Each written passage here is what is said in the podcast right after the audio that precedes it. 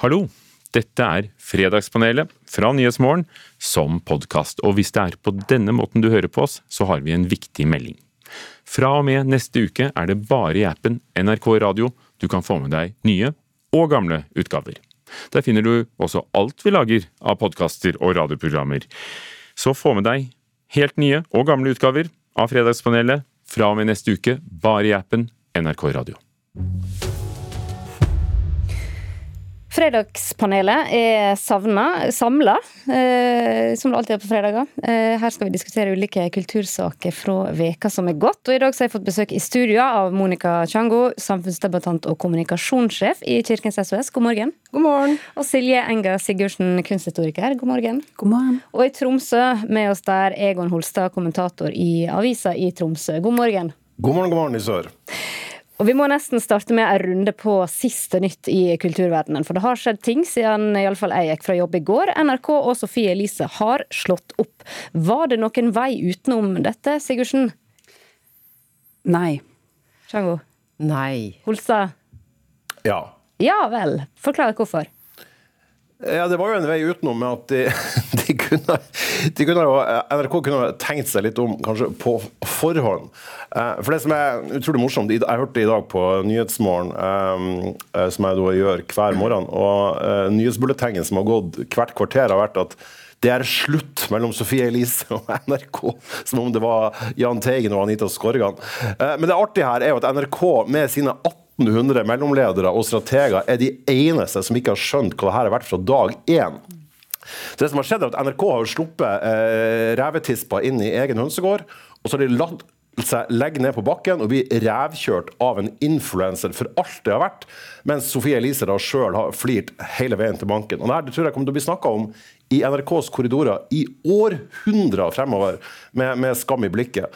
Så det selvfølgelig kunne jeg vært unngått ved at de hadde skjønt virkeligheten litt tidligere, eh, eller like tidlig som alle de andre i hele verden, som NRK sjøl ikke har gjort. Chango, kom det ingenting godt ut av det her? Nå har vi noe å snakke om uten, utenom verdens begredelighet, da. Så vi får i hvert fall noen øyeblikk med, med fri fra krig og elendighet. Så vi går i hvert fall inn i helgen med litt rosa filter foran øynene. Ehm, jeg tenker at Egon har, har, rett, at dette her kommer til å bli snakket om i NRKs korridorer i, i mange, mange måneder. Men nei, det var nok ikke noe vei utenom. Mm. Sigurdsen? Ah, som kunsthistoriker er det alltid deilig å være faktisk i live når historie blir skrevet. Men eh, det vi ser her er jo egentlig store verdispørsmål som, eh, som vi går i oss sjøl med. Eh, jeg tenker jo at den eneste som faktisk kommer seirende ut her, er Sofie Elise. Men dette er jo egentlig også veldig genialt, også for eh, NRK sitt omdømme. Nå må jo folk faktisk gå inn i seg sjøl hva er det NRK betyr for oss? Hva er det vi vil med statskanalen?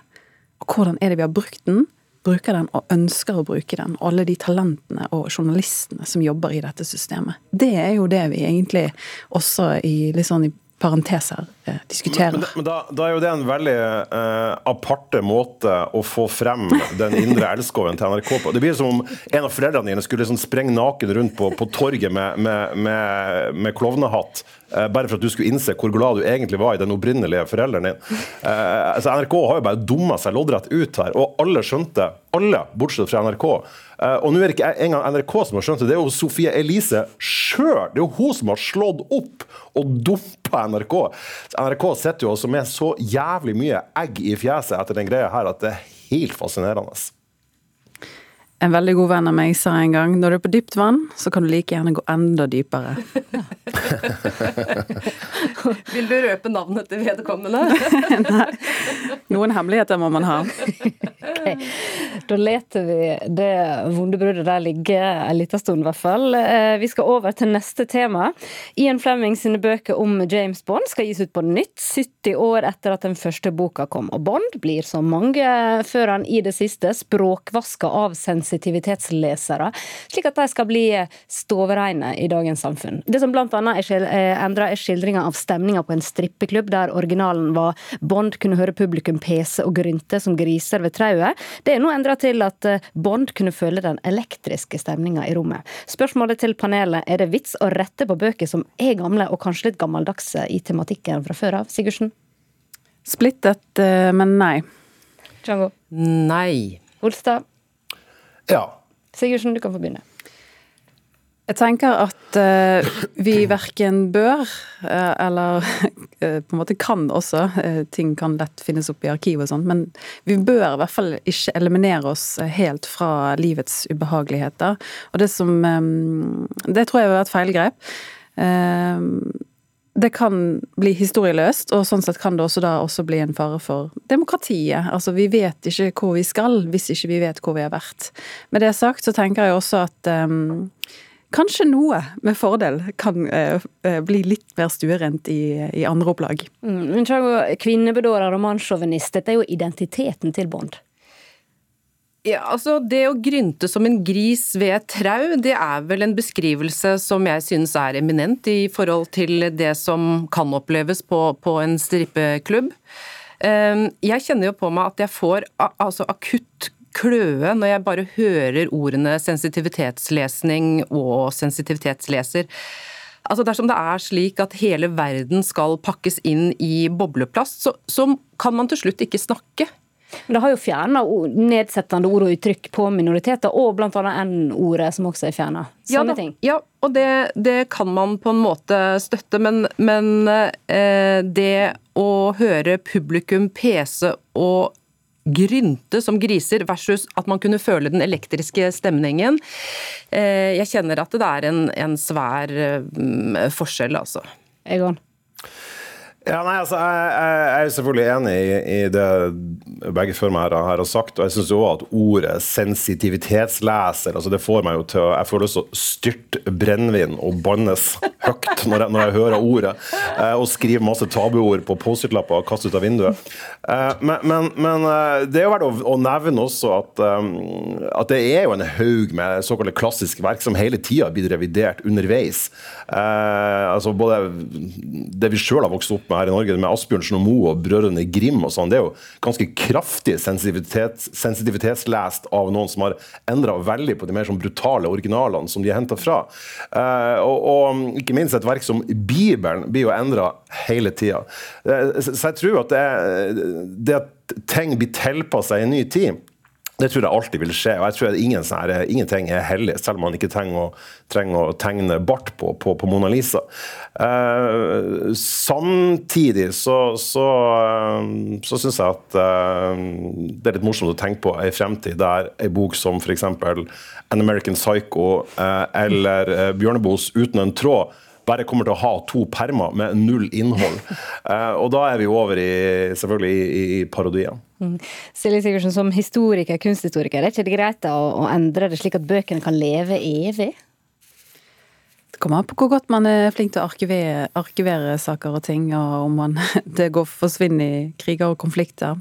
Men øh, jo, altså jeg er veldig for evigheten, øh, og den kommer om vi vil det eller ei. Men jeg, så et, jeg, så et, veldig bra innspill fra kulturjournalist Arvid Skanke Knutsen. Han foreslo at man kunne bare ha laget klistremerke og sett på alle bøker, og det er lyd som følger verket er fra en annen tid og bør leses i en slik kontekst. Ja. Det kan inneholde holdninger og ord vi ikke bruker i dag. Ja. Case closed. Ja, men altså, det, var, nei, det er eh, helt umulig å ikke støtte, støtte det forslaget. Eh, jeg vil bare lyst kjapt å nevne at på Nytt på Nytt i forrige uke så var det en som sa at hvis man drar på date og du setter deg ned med en som forteller at hen er sensitivitetsleser, så er faktisk daten over.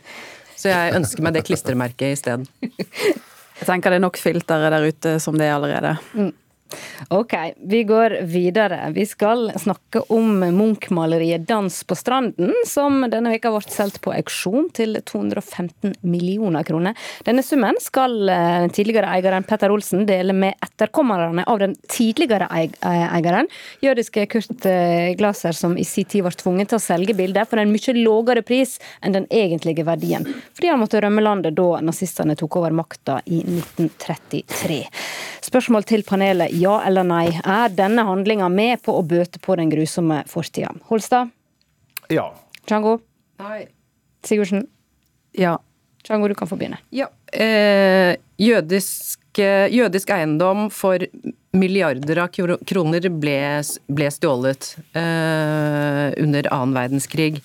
Eh, og jeg tenker at eh, dette her er et bitte lite plaster, men dette handler primært om at eh, Petter Olsen har opptrådt forbilledlig i forhold til hvordan han ønsker å fordele denne summen, og åpenbart har hatt tett kontakt med familien Glaser også.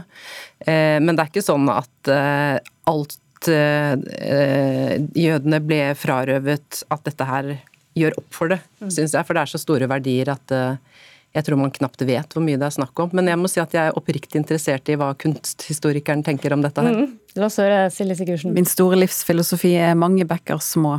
Nei, jeg tenker at selvfølgelig vil det jo uh, for etterkommerne litt mer til, kanskje. Altså da tenker jeg ikke bare på Glaser-slekta, men alle uh, av jødisk sine altså etterkommere der det skal jo litt mer til enn et godt kunstsalg for å rette opp i, Hitlers eh, herjinger under andre verdenskrig. Men eh, det er sjenerøst, og det er ingen selvfølge, men det er faktisk eh, rettferdig, og det sender også et sterkt signal. Dette betyr noe, vi ser dere, og vi ønsker å bidra med det vi kan.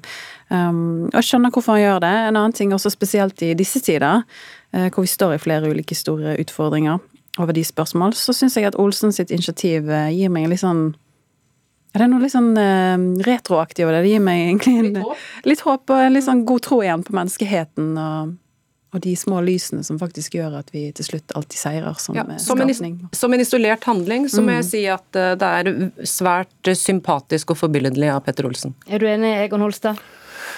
Ja, altså Det er jo ingen som har påstått at det her skal på en måte i, alene veie opp for holocaust. Det er jo ingen enkelthandlinger som vil komme til å gjøre. Det, det jeg syns er, er, helt uh, supert med denne saken, det er jo at altså, i ei tid hvor det er så lite forsoning, og hvor det er så mye polarisering, hvor det er så vanskelig å legge ting bak seg, så er det, det her er egentlig en ganske sånn rørende eh, historie. Eh, når man leser intervjuet med familien Glaser, så er jo de også utrolig takknemlige for det her som har skjedd, og, og mm. mener jo sjøl at det her er et kjempeviktig steg på, på, på veien. Så jeg tenker liksom i, um, i disse dager i særdeleshet hvor det er jævla mye harde fronter, og hvor det er veldig lite forsoning, så er jo det her et lite sånn drypp av fornuft, hvor man beveger seg mot uh, fornuften, og der man er villig til å, til å, se tilbake på hva som har skjedd, og gjøre noe med det eh, ved å møtes og ved å kompensere og ved å tenke sammen. Og det, Den gamle hippien inni meg liker jo det veldig godt. Burde flere gjøre som, eh, som Petter Olsen, eh, Monica Chango? Ja, det kan flere godt gjøre, og flere kan godt plukke ned det de har på, på veggene. Fordi at det finnes eh, jødisk eiendom hengende på flere vegger i hele Europa, også i Norge. Og med det tror jeg vi setter strek for dagens fredagspanel. Det var alt vi rakk. Takk skal du ha, Monica Chango, samfunnsdebattant og kommunikasjonssjef i Kirkens SOS. Silje Enga Sigurdsen, kunsthistoriker. Og med oss fra Tromsø, Egon Holstad, kommentator i avisa i Tromsø. Du har hørt en podkast fra NRK. Hør alle episodene kun i appen NRK Radio.